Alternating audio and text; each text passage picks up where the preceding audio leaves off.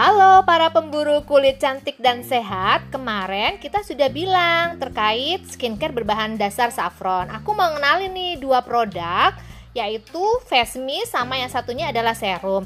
Bahannya face mist apa aja sih? Ada saffron, ada aloe vera dan ada buah bit. Manfaatnya buat apa? Membuat kulit lebih halus, lembut dan menjaga kulit lebih segar dan sehat.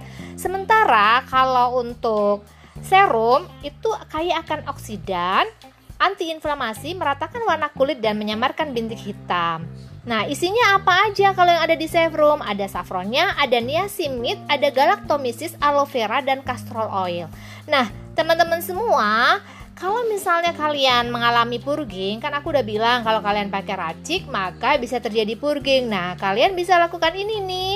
Lakukan rutin pakai face mist sehari 5 kali, kemudian di serumnya skip dulu. Banyakin minum air putih kurang lebih 2 liter kecuali yang uh, dari advice dokter untuk pembatasan cairan ya. Terus konsumsi sayuran dan buah sama rutin pakai teh hijau. Insya Allah kulit kalian tambah lembut kayak baby. Dadah!